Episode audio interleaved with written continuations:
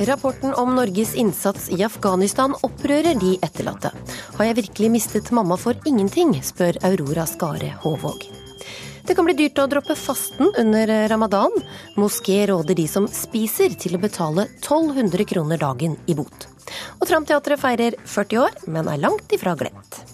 Parafins bøljebann, musikk.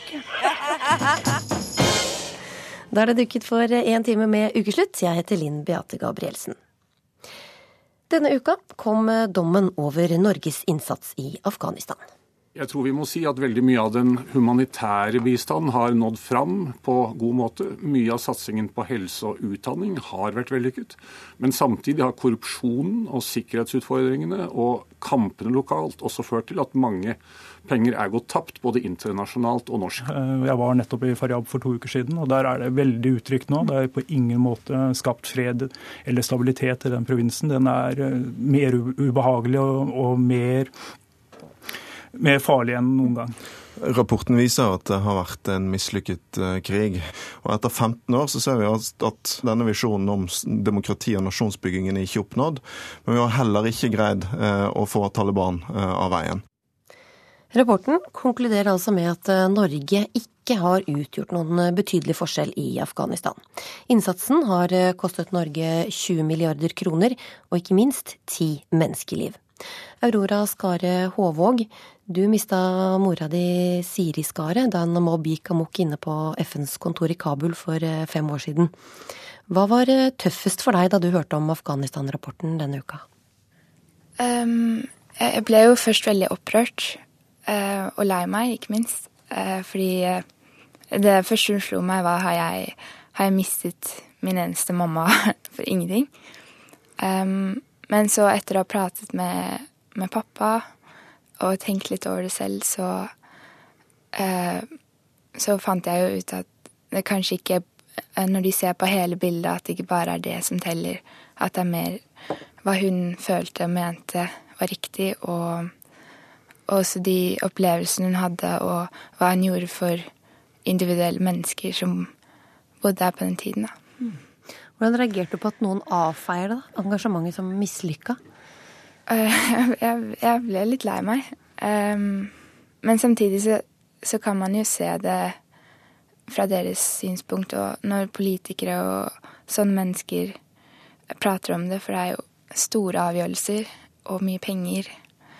Og, um, og da tenker man kanskje ikke så mye heller på, på de individuelle menneskene som er der nede, eller eh, familiene som oss, eller de eh, afghanerne som eh, møter folk som mamma, og som blir hjulpet, da. Hva fortalte hun om, eh, om de møtene hun eh, hadde der nede? Eh, de meste har jeg faktisk hørt i etterkant av kollegaer um, og professorer hun hadde ved universitetet, og eh, også i eh, dagboken hun skrev.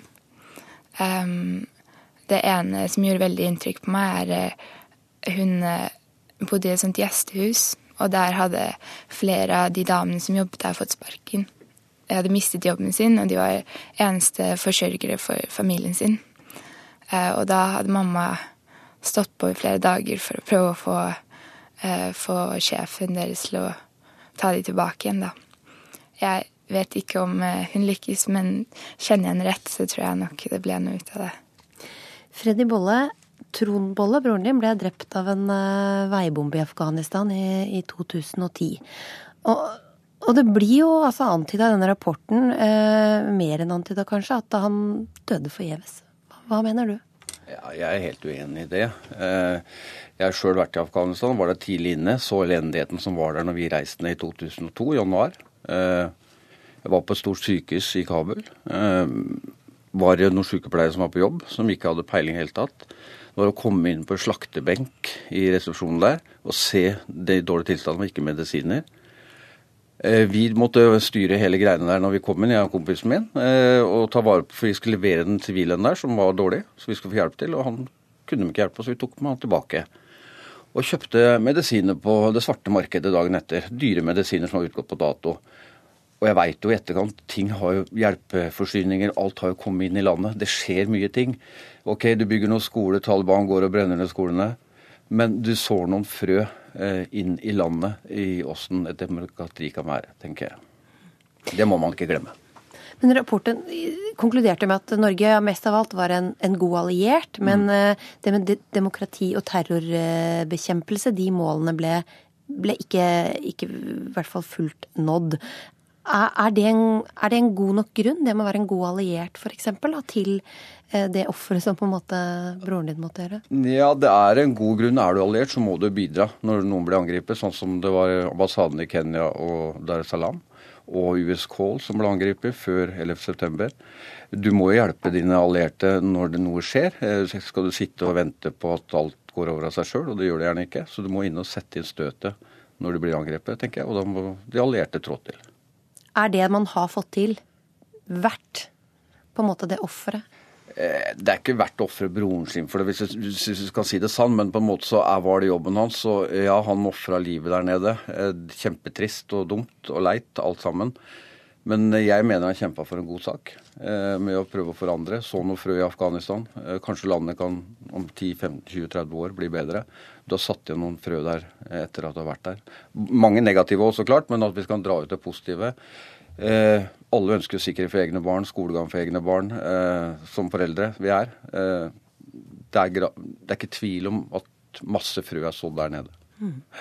Uh, Aurora, moren din var uh, kjent flyver og gjorde karriere i Forsvaret. Og hun var i Afghanistan for andre gang da hun uh, ble drept. Hvordan opplever du at folk diskuterer om det var riktig, det hun var med på? Nei, det er, det er litt rart. Um, jeg har tenkt mye over det selv også. Uh, og ja, det er, det er, egentlig veldig rart å høre. Men jeg tenker litt også det at hvis hun uh, Hun hadde ikke dratt hvis hun ikke hadde trodd det var verdt det. Eller ikke fant noen betydning i det hun gjorde, da. Så ja, jeg får bare stole på det. Du var inne på det litt i stad, dette med kampen for kvinners rettigheter i Afghanistan f.eks. Hva tror du det betyr at hun var der som, eh, som, kvinne i en sånn eh, posisjon? Jeg tror det betydde veldig mye. Hun, um, en annen historie fra en kollega som jobber sammen med henne, var om de kjørte hjem fra uh, en dag på jobb. Og hun var i uniform med FN-hatt, og hun var kvinne, og hun kjørte bil. Uh, og når de da kjørte gjennom gatene, så møtte de på en gruppe med mange kvinner og barn. Og alle stoppet opp og var helt fascinert. Så mamma stoppet bilen og snakket litt dem, til dem på dari, som hun ikke kunne så mye av, men hun prøvde. Um, og etter det så sa hun kollegaen til mamma at hun var helt overbevist om at det hadde gjort stort inntrykk på de jentene, og at de um, fikk sjansen til å se at de også kunne bli noe, da. Taliban de står eh, fortsatt eh, sterkt i mange områder i Afghanistan. Hva, hva tenker du om det, Freddy Molle? Ja, Det tror jeg de vil fortsette å gjøre en periode. Så får vi håpe at regjeringsstyrkene kan få nok hjelp til å slå tilbake. Eh, de har fotfeste. Det skjer mye rundt ned i traktene der nede som er negativt det er viktig å være til stede, tenker jeg. Du vil ikke være med på at eh, Norge ikke skulle sendt eh, soldater eh, ned. Hvorfor ikke? Nei, for jeg mener at hvis jeg ser naboen min banker opp kona si, skal ikke jeg sitte og se på. Da må jeg ta noe affære. Da må jeg prøve å gjøre noe. Hva skal han ellers gjøre? Skal man sitte hjemme og bare holde for øra og håpe at det går over? Man må bidra. Man kan ikke bidra overalt, men noen steder. Og velge ut. Er du overraska over at det kommer så mange negative Um, altså det kommer så mye kritikk nå, da? Ikke i det hele tatt. Nei. Det var som forventa. Aurora, det er eh, gått eh, fem år siden moren din eh, døde. Hvordan, hvordan lever du med savnet nå? Um, ja, det er jo Det er ikke noe som går vekk. Um, og det hadde jeg vel ikke trodd heller, men livet går jo videre, og man går på skole og har venner, og det er egentlig ganske normalt. Men så er det jo alltid ting som uh, får til å komme ekstra mye tilbake igjen. Sånn ting som du skal, skulle ønske at du hadde en mor til å være med på, da. Sånn avslutning på skolen. Jeg ble ferdig på videregående nå. Og det er jo ganske stort, så da savnet jeg mamma til å være med meg. Um, og andre ting, sånn skoleball eller sånne ting. Um, eller bare sånn uh, ferie med venninner når de har med mødre. Og det blir litt sånn små ting i hverdagen som hun skulle ønske du kunne fortelle henne om, da. Det er klart. Freddy, du og Trond hadde også gjorde mange ting sammen. Startet en barnevernsinstitusjon sammen. Afghanistan. Hvordan eh, lever du med savnet? Ja, Trond er jo med meg hver dag på en eller annen måte. Vi gikk i lære hos fatter'n sammen. Vi, ja, barnevernsinstitusjon og litt i Forsvaret sammen. Han er med meg hver eneste dag. Eh, men som Aurora sier, livet går videre. Eh, så ta vare på de gode minnene og minnes, tenke på det. Tar en konjakk og skåler for han noen ganger. Takk for at dere var med i eh, Ukeslutt, Freddy Bolle og Aurora Skare Håvåg. Amnesty er eh, blitt en lobbyist for at det skal bli lov å kjøpe sex igjen, skrev eh, Kvinnefronten i Dagbladet i går. I rapporten 'Criminalization of Sex Work in Norway' argumenterer Amnesty for å oppheve sexkjøpsloven fordi de mener håndhevinga av loven går utover de prostituertes menneskerettigheter. Daisy Elisabeth Sjusjø, landsstyremedlem i Kvinnefronten. Hvorfor er det et problem at eh, Amnesty lobber for å legalisere sexkjøp? Sånn vi ser det, så er prostitusjon den aller mest eh, eh, ekstreme formen for undertrykkelse av kvinner. Og avkriminaliserer man sexkunden, så sier vi at det er greit at kvinner uten andre valgmuligheter i livet utnyttes av menn.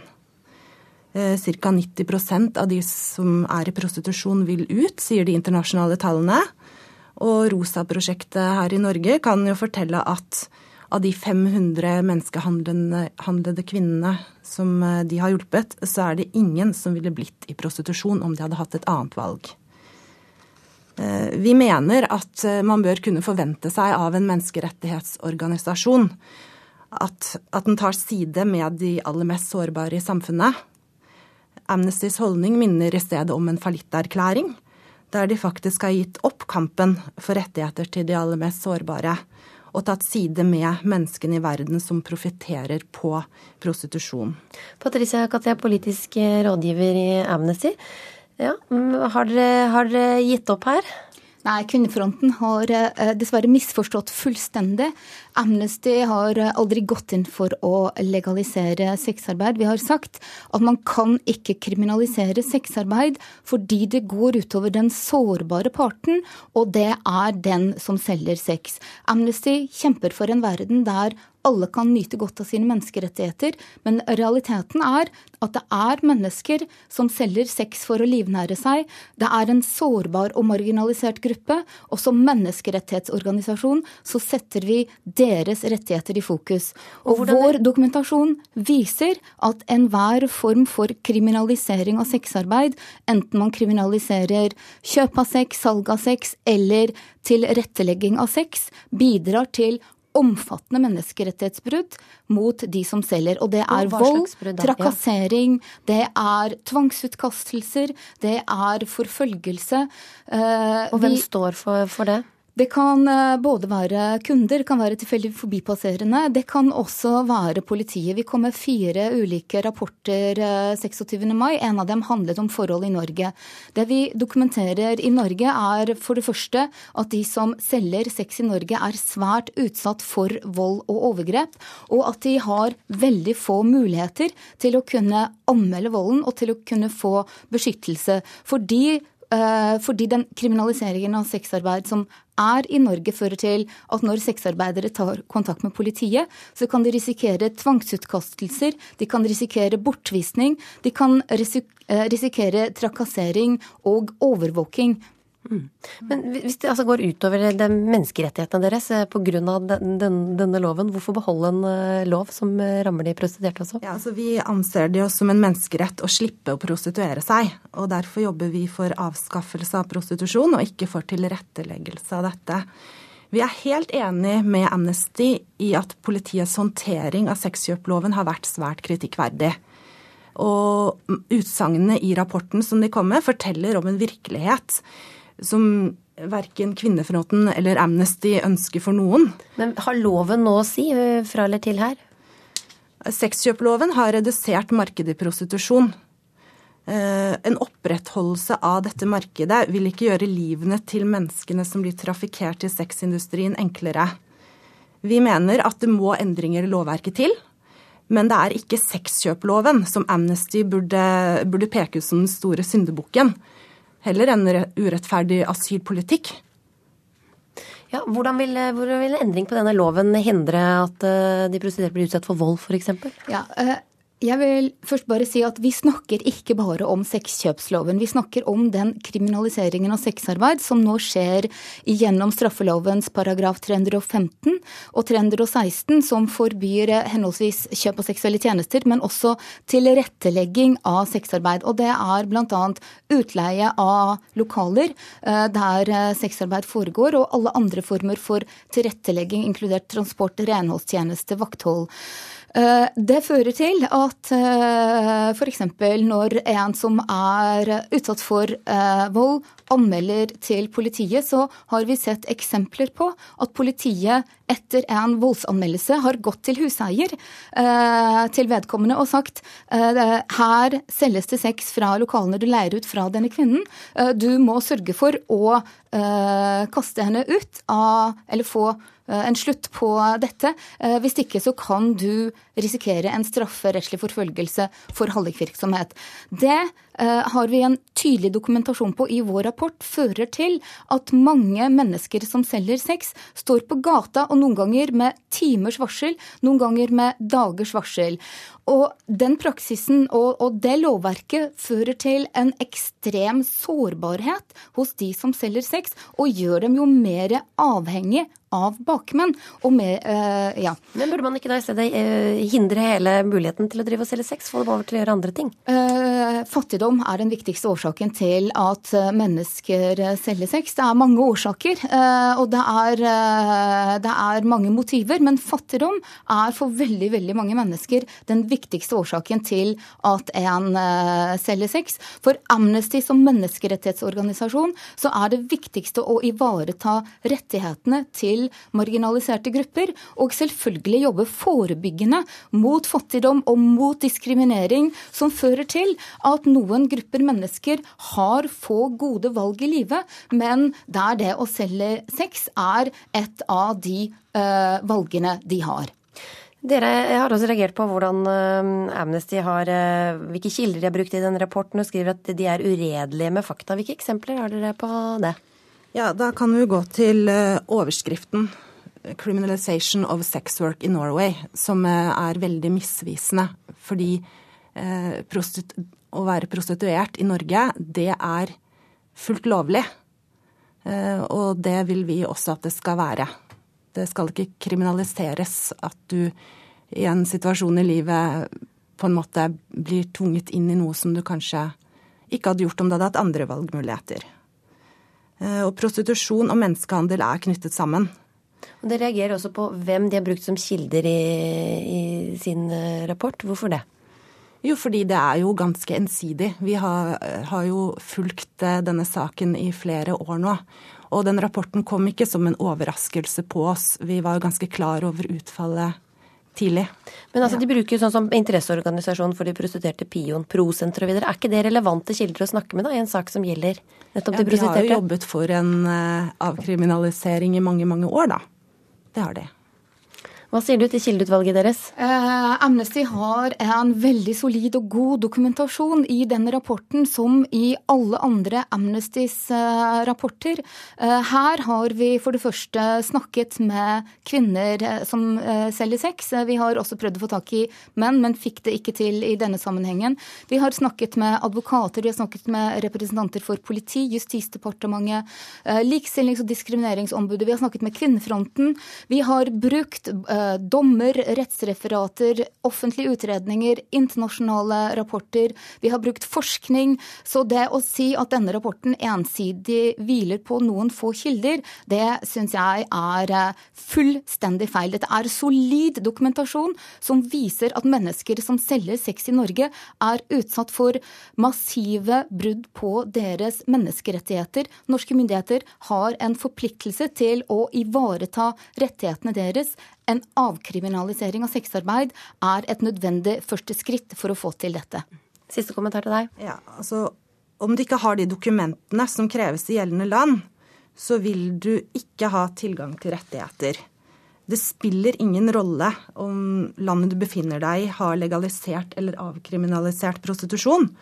Tilgangen til rettighetene dine er knyttet opp, er knyttet opp til migrasjonsstatusen din, og ikke til den juridiske statusen til prostitusjon i det landet. Jeg tror jeg er nødt til å sette strek her. Tiden løper eh, fra oss. Tusen takk for at dere kom til ukeslutt, Daisy Elisabeth Sjusjø og Patricia Katté.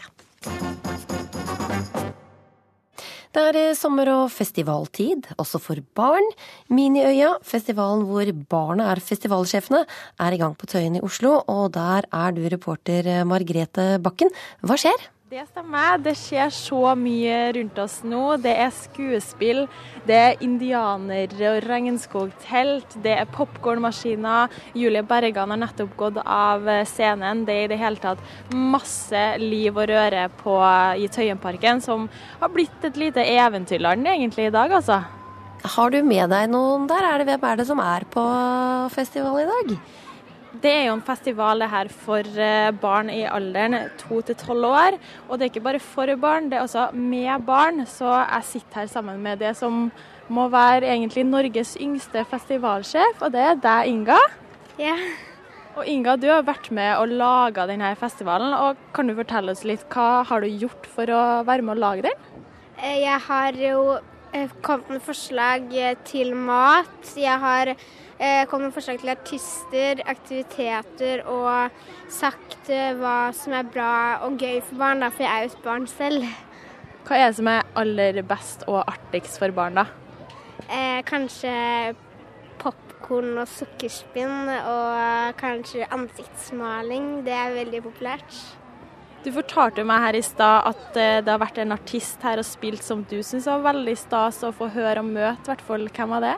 Eh, det var Julie Bergan. Eh, jeg fikk autograf av henne og selfie med henne, så det var ganske kult, da. Er det noen flere som skal stå på scenen her, for det skal jo være festival både lørdag og søndag. Er det noen flere du gleder deg veldig til? Eh, på, I dag så skal Katzenjammer avslutte festivalen, da. Så det gleder jeg meg veldig til. Også på søndag skal Madcon og Ravi synge. og det blir veldig gøy, da, fordi de, de har jeg gledet meg veldig til. Og så planlegger jeg å få autograf og selfie med de. Og, så ja. Hva er det aller, aller beste med å være på, i Tøyenparken på festival akkurat i dag? Eh, det er, eh, Man blir så glad av å være der. Det er mange folk, og man eh, kan løpe rundt i gresset, gjøre aktiviteter, spise god mat og gjøre ja, her er det altså rom for å rett og slett bare være barn, springe rundt i gresset, spise så mye sukkerspinn man bare orker, og høre masse, masse god musikk. Du får kose deg videre med sukkerspinnet, Margrethe Bakken. Du hører på Ukeslutt, hvor det straks blir mer om eh, dette. Politiet kontrollerer unge personer med innvandrerbakgrunn altfor ofte, mener Organisasjon mot offentlig diskriminering. De frykter det kan føre til radikalisering. De kontrollerer de samme folk om og om igjen, og det gir ikke resultater. Det gir bare frustrerte mennesker. Moské mener muslimer som ikke faster bør betale 1200 kroner dagen. Alle religioner har ris og ros, forklarer moskeens styreleder. Og husker du disse? Du, Ronny! Ja, hva er det, Ronny? Glem den utstoppa gjøken, Ronny. Snart får du høre hvordan de låter 40 år etter. Tilliten mellom eh, ungdom med innvandrerbakgrunn og norsk politi er eh, tynnslitt. Det hevder Organisasjon mot offentlig diskriminering, OMOD. De mener eh, politiet kontrollerer folk med innvandrerbakgrunn hyppig, og frykter at hvis det fortsetter, så kan det oppstå parisaktige tilstander med radikalisering og opptøyer. Ukesluttreporter Torkil Torsvik ble med politiet på jakt etter personer med ulovlig opphold.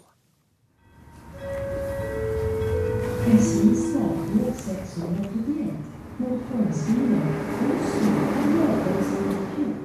Arvika stasjon i Sverige går tre politibetjente om bord i Oslo-toget.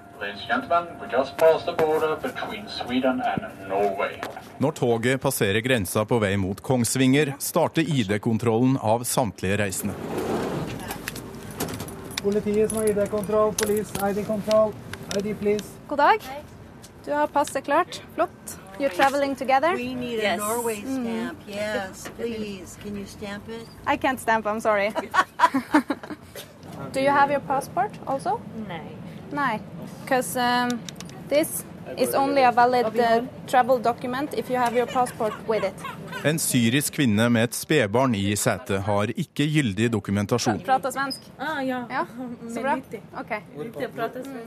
Det er ifølge flere et problem at kontroller av denne typen og andre mer vilkårlige ID-kontroller på gata i storbyen har økt. Det er etter at Justisdepartementet heva måltallet til 9000 årlige uttransporteringer, en økning på 1200 fra i fjor. Dette området, som du vet, er et belastet område oppover. Jeg møter aknaton Oddvar de Leon ved Vaterlandsbrua på Grønland i Oslo. Der oppe så kan man få tak i narkotika. Det er salg. Lederen for Organisasjon mot offentlig diskriminering synes det er bra at politiet kontrollerer narkotikaselgere de har en klar mistanke mot. Men han er bekymra for at lovlydige, mørkhuda nordmenn blir stoppa, uten annen grunn enn sitt etniske utseende, såkalt raseprofilering. Jeg mener, og mange mener, at kontrollvirksomheten går amok. De kontrollerer de samme folk om og om igjen, og det gir ikke resultater. Det gir bare frustrerte mennesker. Det eneste jeg hører en hakk i plata, at vi driver ikke med rasisme. Jeg har ikke sagt at de driver med rasisme. Jeg sa de driver med racial profiling, som er institusjonell rasisme. Eh, Jeg tror det eh, grunner i at dette her er noe nytt og ukjent. På riksgrensa ved Magnor møter jeg politioverbetjent Morten Rishoff, som snakker varmt om de økte kontrollene i offentlig rom. Tidligere så har det jo nesten ikke vært eh, noen typer av denne kontrollvirksomheten før. Den har vist seg å være så effektiv at den er nok kommet for å bli. Faglederen i Politiets utlendingsenhet tilbakeviser at PU driver institusjonell rasisme. Det kan vi avkrefte, eh, fordi vi vet hvem vi har kontrollert. eh, Vi vet hvem vi har pågrepet og hvem vi har dimittert. Vi pågreper veldig mange fra Balkan. Som, eh, som er lys i huden som deg og meg. Så dette har ingenting med hudfarge å gjøre. Dette har med å følge de lover og regler som politiet er satt til å håndheve. Aldri opplevd. Jeg har bodd her i Norge i 19 år, og aldri blitt kontrollert av politiet. På Grønland i Oslo virker det som at problemet ikke er kjempestort blant de voksne mørkhuda personene jeg snakker med. Jeg har blitt spurt til legitimasjon, men det også jeg viste legitimasjon, og så det var ikke noen problem. Blant unge mørkhuda, som Abu Bakir, Nei, Jeg føler at jeg ble behandla utrolig dårlig. er situasjonen annerledes. De ble bare stoppa helt tilfeldig. De mente de så meg, at jeg hadde narkotika på meg, noe som til slutt ikke stemte. Til slutt så kan du si at de dreit seg ut, da på en måte så slapp de meg, beklaget de til slutt. Men eh, i mine oppfatninger så vil jeg tro fordi jeg er mørk i huden, dessverre. Jeg blir med Abu Bakir inn på Riverside ungdomshus ved Vaterlandsbrua, hvor flere unge gutter er i gang med en runde fotball-TV-spill. Når jeg ble stoppa, jeg ble først og fremst litt redd. Flere av dem jeg spør, har opplevd å bli kontrollert av politiet, blant dem Mohammed, Maleksei og Hamito. Veit ikke om det var pga. hudfargen eller ikke, men det virka litt sånn. Men eh, jeg ble jo stoppa og ransaka. Tredje gangen, fjerde De bare Nei, det er fordi den Golfen du kjører, har kanskje kriminelle folk som kjører. Jeg bare Ja, jeg har kjørt den i ti år. Så det var bilen som var De skyldte- Ja, de skyldte på bilen i hvert fall. Så vi får håpe det var bilen og ikke hudfargen min. Jeg er blitt stoppet eh, to ganger også. Da. De bare prøver å gjøre for å holde godt i miljøet. Men eh, det er litt urettferdig, egentlig. Ja, mange ganger. Nesten foregår er det fem ganger om dagen. Ja. Såpass, ja? For det var bare å levere legitimasjon i Tsjekkia pga. det er mye kontroll av området i Oslo. Gutta på ungdomshuset har stort sett forståelse for at politiet gjør denne jobben. Lederen i Omod, Aknaton de Leon, er derimot bekymra for forholdet mellom politi og ungdomsmiljø. Barn som er født og oppvokst i Norge, som synger 'Ja, vi elsker dette landet', og blir stanset av politiet gang på gang, føler seg fremmedgjort i sitt eget land. Det, min venn, tror jeg kan skape radikalisering. For å unngå radikalisering mener Omod at politiet må bli bedre på å føre statistikk og samarbeide, slik at enkeltpersoner skal få slippe å bli kontrollert om og om igjen av både narkotikapolitiet og PU. Jeg har etterlyst dokumentasjon ved kontroll i 22 år. Det er ingen som er interessert. Fordi per i dag har ikke politiet er ikke pålagt til å registrere de kontrollene de foretar. Altså, vi ønsker jo et uh, nært og godt forhold til innvandrere, og vi ønsker også et tettere samarbeid med OMOD. Nå kan Morten Rishoff i Politiets utlendingsenhet glede OMOD med at statistikken er på vei. Uh, vi statistikkfører jo alt, alle vi kontrollerer. Altså, vi har blitt bedt av Likestillingsombudet da, å, å lage statistikk på på hvem vi kontrollerer og hvor vi kontrollerer, og det er vi i ferd med å utarbeide nå. Eh, den er ikke helt ajourført, men det kommer til å skje i løpet av noen uker. De som forteller at de blir stoppa fem ganger eh, i løpet av en dag i Oslo, eh, hvordan forklarer dere det? Ja, Vi har sett at det kommer påstander om det. Men det har vi ikke kunnet funnet i våre registre at det faktisk er riktig. Selv komme deg til Sverige igjen så fort som mulig. Tilbake på toget nærmer det seg ankomst Kongsvinger. Du har ikke tillatelse til å stanne i Norge. Kvinnen fra Syria skulle egentlig vært kasta av toget, men spedbarnet hun har med seg, får politiet til å utvise skjønn. Men pga. at du har en liten baby her nå, ja. så tar vi deg ikke av toget nå, men du må komme deg tilbake til Sverige. Denne gangen rakk ikke politiet å ta bilde og lage en rapport om saken. Om kvinnen ble kontrollert på nytt i Oslo, vet vi ikke. You can stay here with your baby, but as soon as possible, go to Sweden, get your passport. Feirer du ramadan selv? Faster du? Ja, det gjør jeg. Det finnes en eh, moské her i Norge som krever 1200 kroner i bot dersom man bryter fasten under ramadan. Eh, hva synes du om det? Det er ikke noe man kan kreve, det er noe man må gjøre. Det er noe mellom deg og Gud. da. At du må betale for eh, Hvis du bryter det uten noen grunn, så finnes det regler for dette. Da må du betale mat for 60 personer. Jeg fastet faktisk i går, men når jeg er på jobb, så faster ikke jeg. For når du ikke spiser, så lukter det ikke sant? når du prater til kunder, og det plager dem. Hva er en eh, passende straff dersom man bryter fasten? da? Nei, Jeg syns ikke mennesker har rett til å straffe mennesker. Det skal være opp til Gud hvem man skal straffe og hvem man ikke skal straffe. Så mennesker har absolutt null rett til å straffe andre.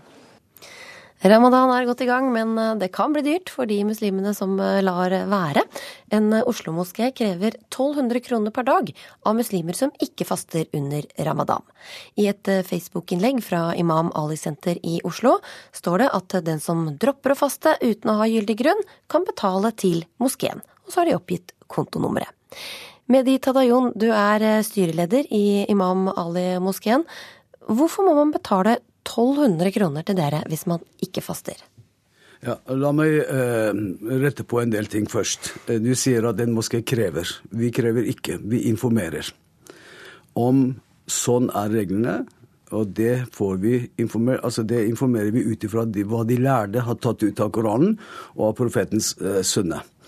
Eh, det er noe sånt at eh, dersom du har en gyldig grunn, f.eks. er syk, ammer barn eller er på reisefot eller mange andre årsaker, og ikke kan faste, eh, så skal du egentlig bare faste på et annet tidspunkt.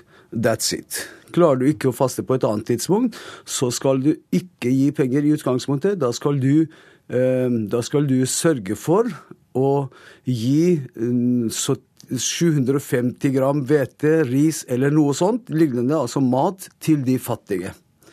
Og gjør du ikke det heller, eller du klarer ikke å organisere det, så kan du betale. Og du skal egentlig betale direkte til de fattige om du vil. Klarer du ikke det heller, så kan du gi det til noen veldedighetsorganisasjoner som kan hjelpe deg med å bringe det videre til de fattige. At vi krever 1200 kroner, eller, eller hva det enn måtte være, det er helt feil. Eh, vi oppgir våre, vår kontonummer. og alle, I alle våre artikler så står nederst der vår kontonummer. Vi er en veldedighetsorganisasjon, og vi trenger donasjoner eh, fra medlemmer, så derfor så står det der. Om vi ikke hadde oppgitt kontonummer og sagt at ok, kom til moskeen og betal det, så hadde vi kanskje også blitt beskyldt for å hvitvaske penger også i tillegg. Eh, så sånn er det. Eh, og vi har per nå, jeg har jobbet i den moskeen der i ti år, per nå så har vi ikke mottatt noe som helst i, i, i forbindelse med kafare, eller det som kalles for da erstatning for ikke eh.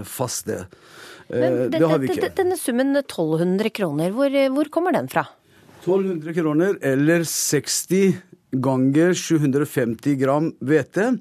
Eh, det kommer av at dersom du ikke har gyldig grunn, Altså Har du gyldig grunn, er syk på reisefot, ammer, mange mange, mange andre årsaker, så er det én eh, ganger 750 hvetemel. Har du ikke gyldig grunn, så betaler du 60 ganger det. Og 750 gram ris eller hvetemel det er verdsatt i norske penger på 20 kroner. Så tar du 60 ganger av det, så blir det 1200 kroner. Men det er en meget hypotetisk situasjon. Eh, altså, Men hva kan være ikke gyldig grunn for å ikke faste? Ja, altså rett og slett at jeg er uh, helt uh, frisk, har ingen problemer med, med noe. Jeg vil ikke, orker ikke å faste. Eh, det, det er f.eks. en ganske ugyldig grunn. Are. Vogt eh, Moum, det er eh, dere i eh, den flerkulturelle avisa Utrop som har avdekket det her, og hvor vanlig vil du si det er å, å, å kreve så mye som dette?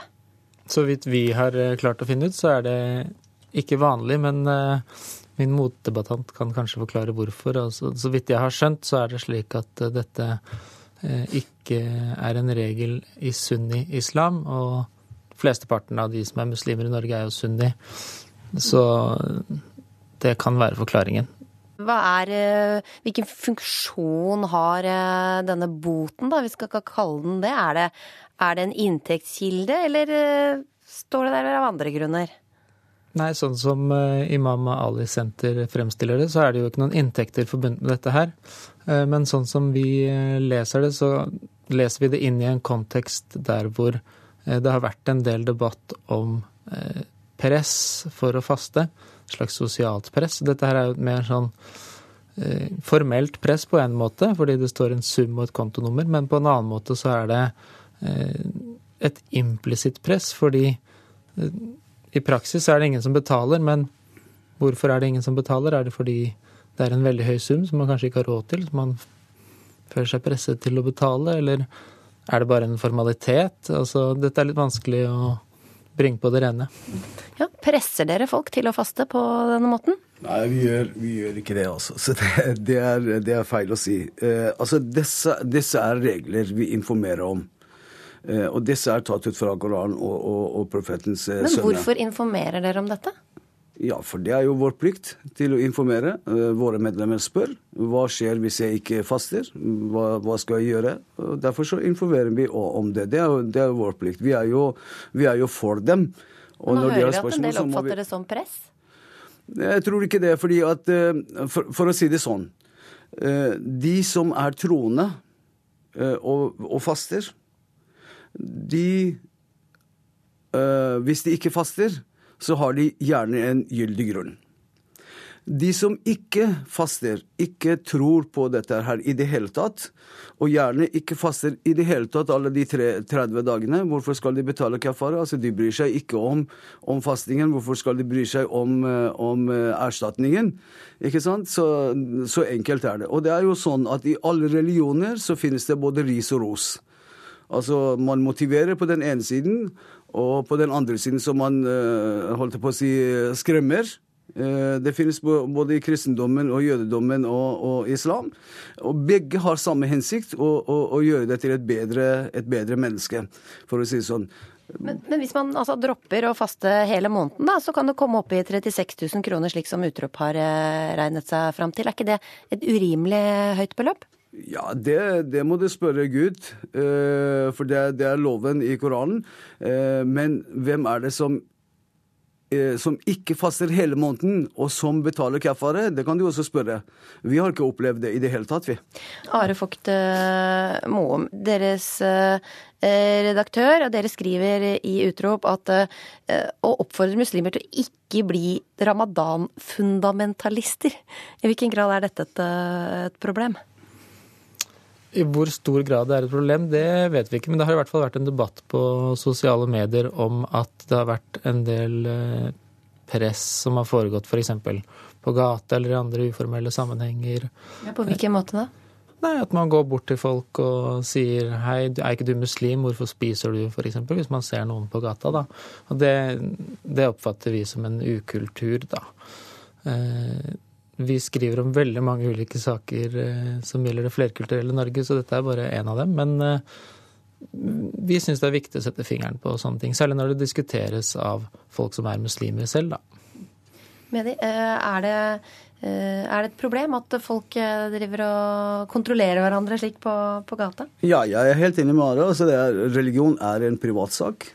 Og jeg syns det er helt uhørt å gå bort til folk og så si 'hør her, du er muslim, hvorfor faster du ikke'? Jeg ville ikke ha gjort det. Og jeg ville bli veldig sint hvis noen hadde kommet til meg og sagt det. Men Kan ikke dere også oppfatte sånn når dere gir deres informasjon på den måten dere gjør på deres sider? Oppfatte vet ikke hva, hva folk vil oppfatte oss, men vår hensikt er å informere.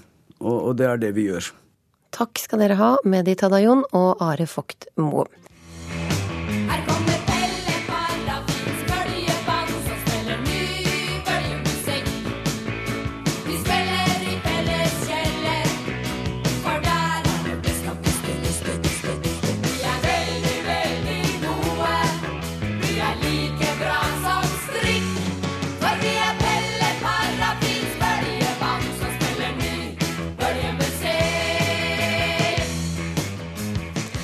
Det er vel få som er født før 1980 eh, som eh, klarer å høre denne uten å synge med. I år er det 40 år siden Tramteatret startet sitt eh, politiske revyeventyr, og i morgen skal det feires med en utstilling og en sjelden konsert. Reporter Åsa Vartdal ble med under oppkjøringa for å sjekke om de fortsatt er like bra som strikk. Ta vi det en gang til.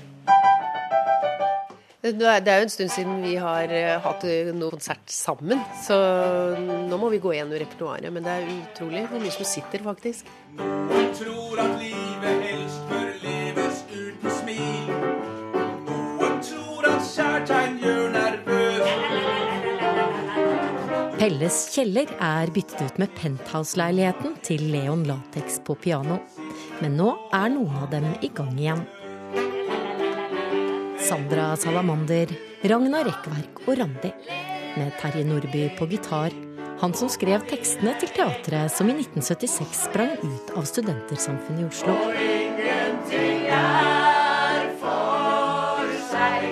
Vi ville lage et uh, kritisk, radikalt politisk teater som skulle nå ut til hele Norges befolkning med humor og alvor og musikk. Og fikk en umiddelbar uh, suksess. Vi var aldri misforståtte kunstnere, vi var en suksess fra første stund. God kveld. Miljøvernministeren sier til Dagsrevyen at hun er lykkelig over at oljen ikke vil nå inn til norske strender før om minst 14 dager. Deep Sea Thriller, som var den første musikkrevyen, hadde premiere fem dager etter utblåsingen av Bravo-plattformen. Så vi ble nok godt hjulpet av begivenheten. Ut i Norges sultne maver, strømmer rikdommen fra havet. Ti LP-plater, seks revyer, 20 radioprogram. Så er det klart for Radioaktiv, Tramteatrets månedsrevy. 200 konserter og turneer. Hvorfor tok du med meg hit i parken, da? Jeg ville prate med deg om noe.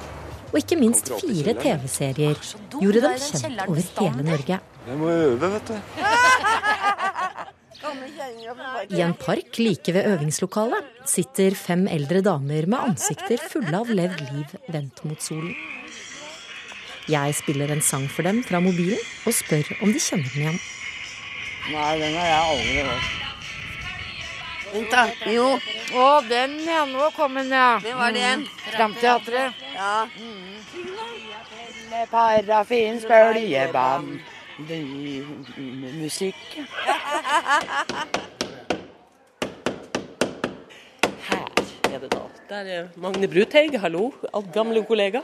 Læreren i Pelle Parafin. Ligger her på kne og holder på i monteren og setter opp alle plate, singler. Eh. Inne i Frognerparken, i et hjørne av Oslo bymuseum, er Kine Hellebust, eller Randi. Du, Ronny! Ja, hva er det, Randi? Glem den utstoppa gjøken, Ronny! I gang med å skape et 70-tallsunivers i et lite rom med rødbrune vegger og oransje gulv. Der borte i kroken ser du Sandra Salamander sin gitar, annet. På et fotografi som dekker store deler av den ene veggen, sitter en gjeng langhårede unge mennesker foran en grønn turnébuss med Tramteatret skrevet med store røde bokstaver. Det er deres 40 år gamle historie som skal fortelles gjennom kostymer, rekvisitter, lyd og video. Der blir han shanghaia. Ronny går i fella. Blir du glad av å se disse gamle tingene? Ja, jeg blir faktisk det.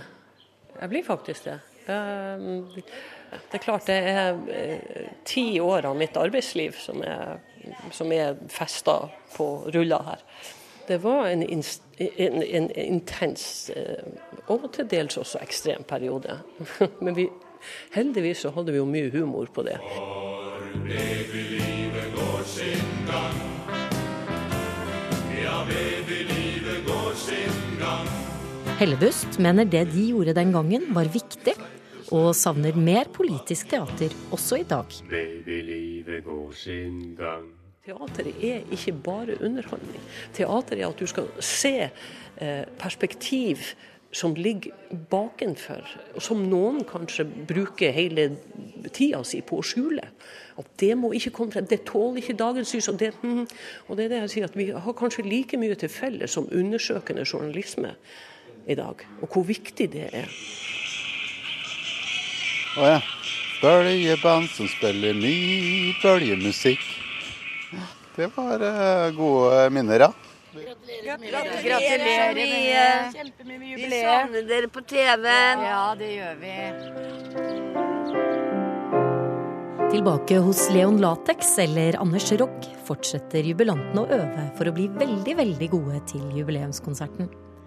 Når en opprører har gått hjem og låst sin ytterdør og tenker at alle opprør er store, men de har skjedd før. 30 år etter at de gikk hvert til sitt, er de fortsatt lette å kjenne igjen. Kanskje bare litt rundere i kantene. På flere måter, ifølge Terje Nordby. Det er en tid hvor man både har eh, radikale holdninger og man eh, har krefter. Og vi har jo blitt etablerte, selvfølgelig. Gjør andre ting. Og, og vi er jo selvfølgelig mye mindre politisk enn vi var den gangen. Det, det tror jeg. Dette tror jeg er noe som skjer. Men altså, har ikke, jeg har jo ikke forandra noen holdninger siden den gang. Det tror jeg gjelder mange. Vi er bare mye mer passive. Sofaradikaler.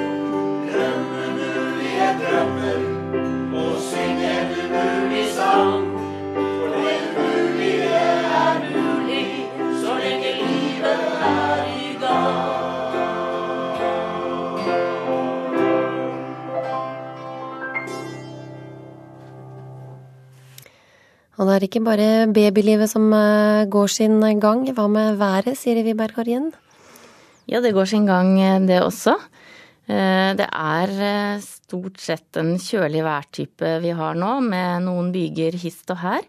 Men vi kan jo ta detaljene. og Spitsbergen, eh, her er det uttrykk for enkelte sludd- eller snøbyger lengst i nord. Ellers så blir det stort sett eh, opphold både i dag og i morgen. I Nord-Norge så kan det gå enkelte byger i indre strøk av Nordland i dag. Også enkelte byger på kysten av Finnmark, hvor det av og til også vil blåse vestlig frisk bris. Ellers blir det stort sett opphold og stedvis også en del sol. I morgen da skyer det mer til, og det blir etter hvert regn og regnbyger nord for Bodø. I Sør-Norge kan det blåse nordøstlig opp i frisk bris eh, på kysten i nord i dag. Det blir stedvis en god del sol, særlig langs eh, kysten, men det vil også gå enkelte regnbyger, og det er spesielt i de indre strøkene av Agder og Rogaland, og det kan også være lokal torden i disse bygene.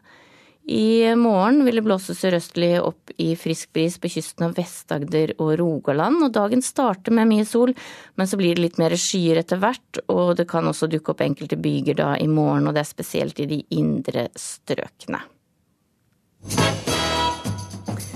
Da er det en eh, hel uke til eh, neste nye ukeslutt. Dagens sending den kan du også høre i Alltid nyheter eh, klokka 16. Ansvarlig for sendinga det var eh, Kari Li. Teknisk ansvarlig det var Eli Kyrkjebø. Og i studio hørte det meg, Linn Beate Gabrielsen. Og med det ønsker Ukeslutt-redaksjonen alle en riktig god helg.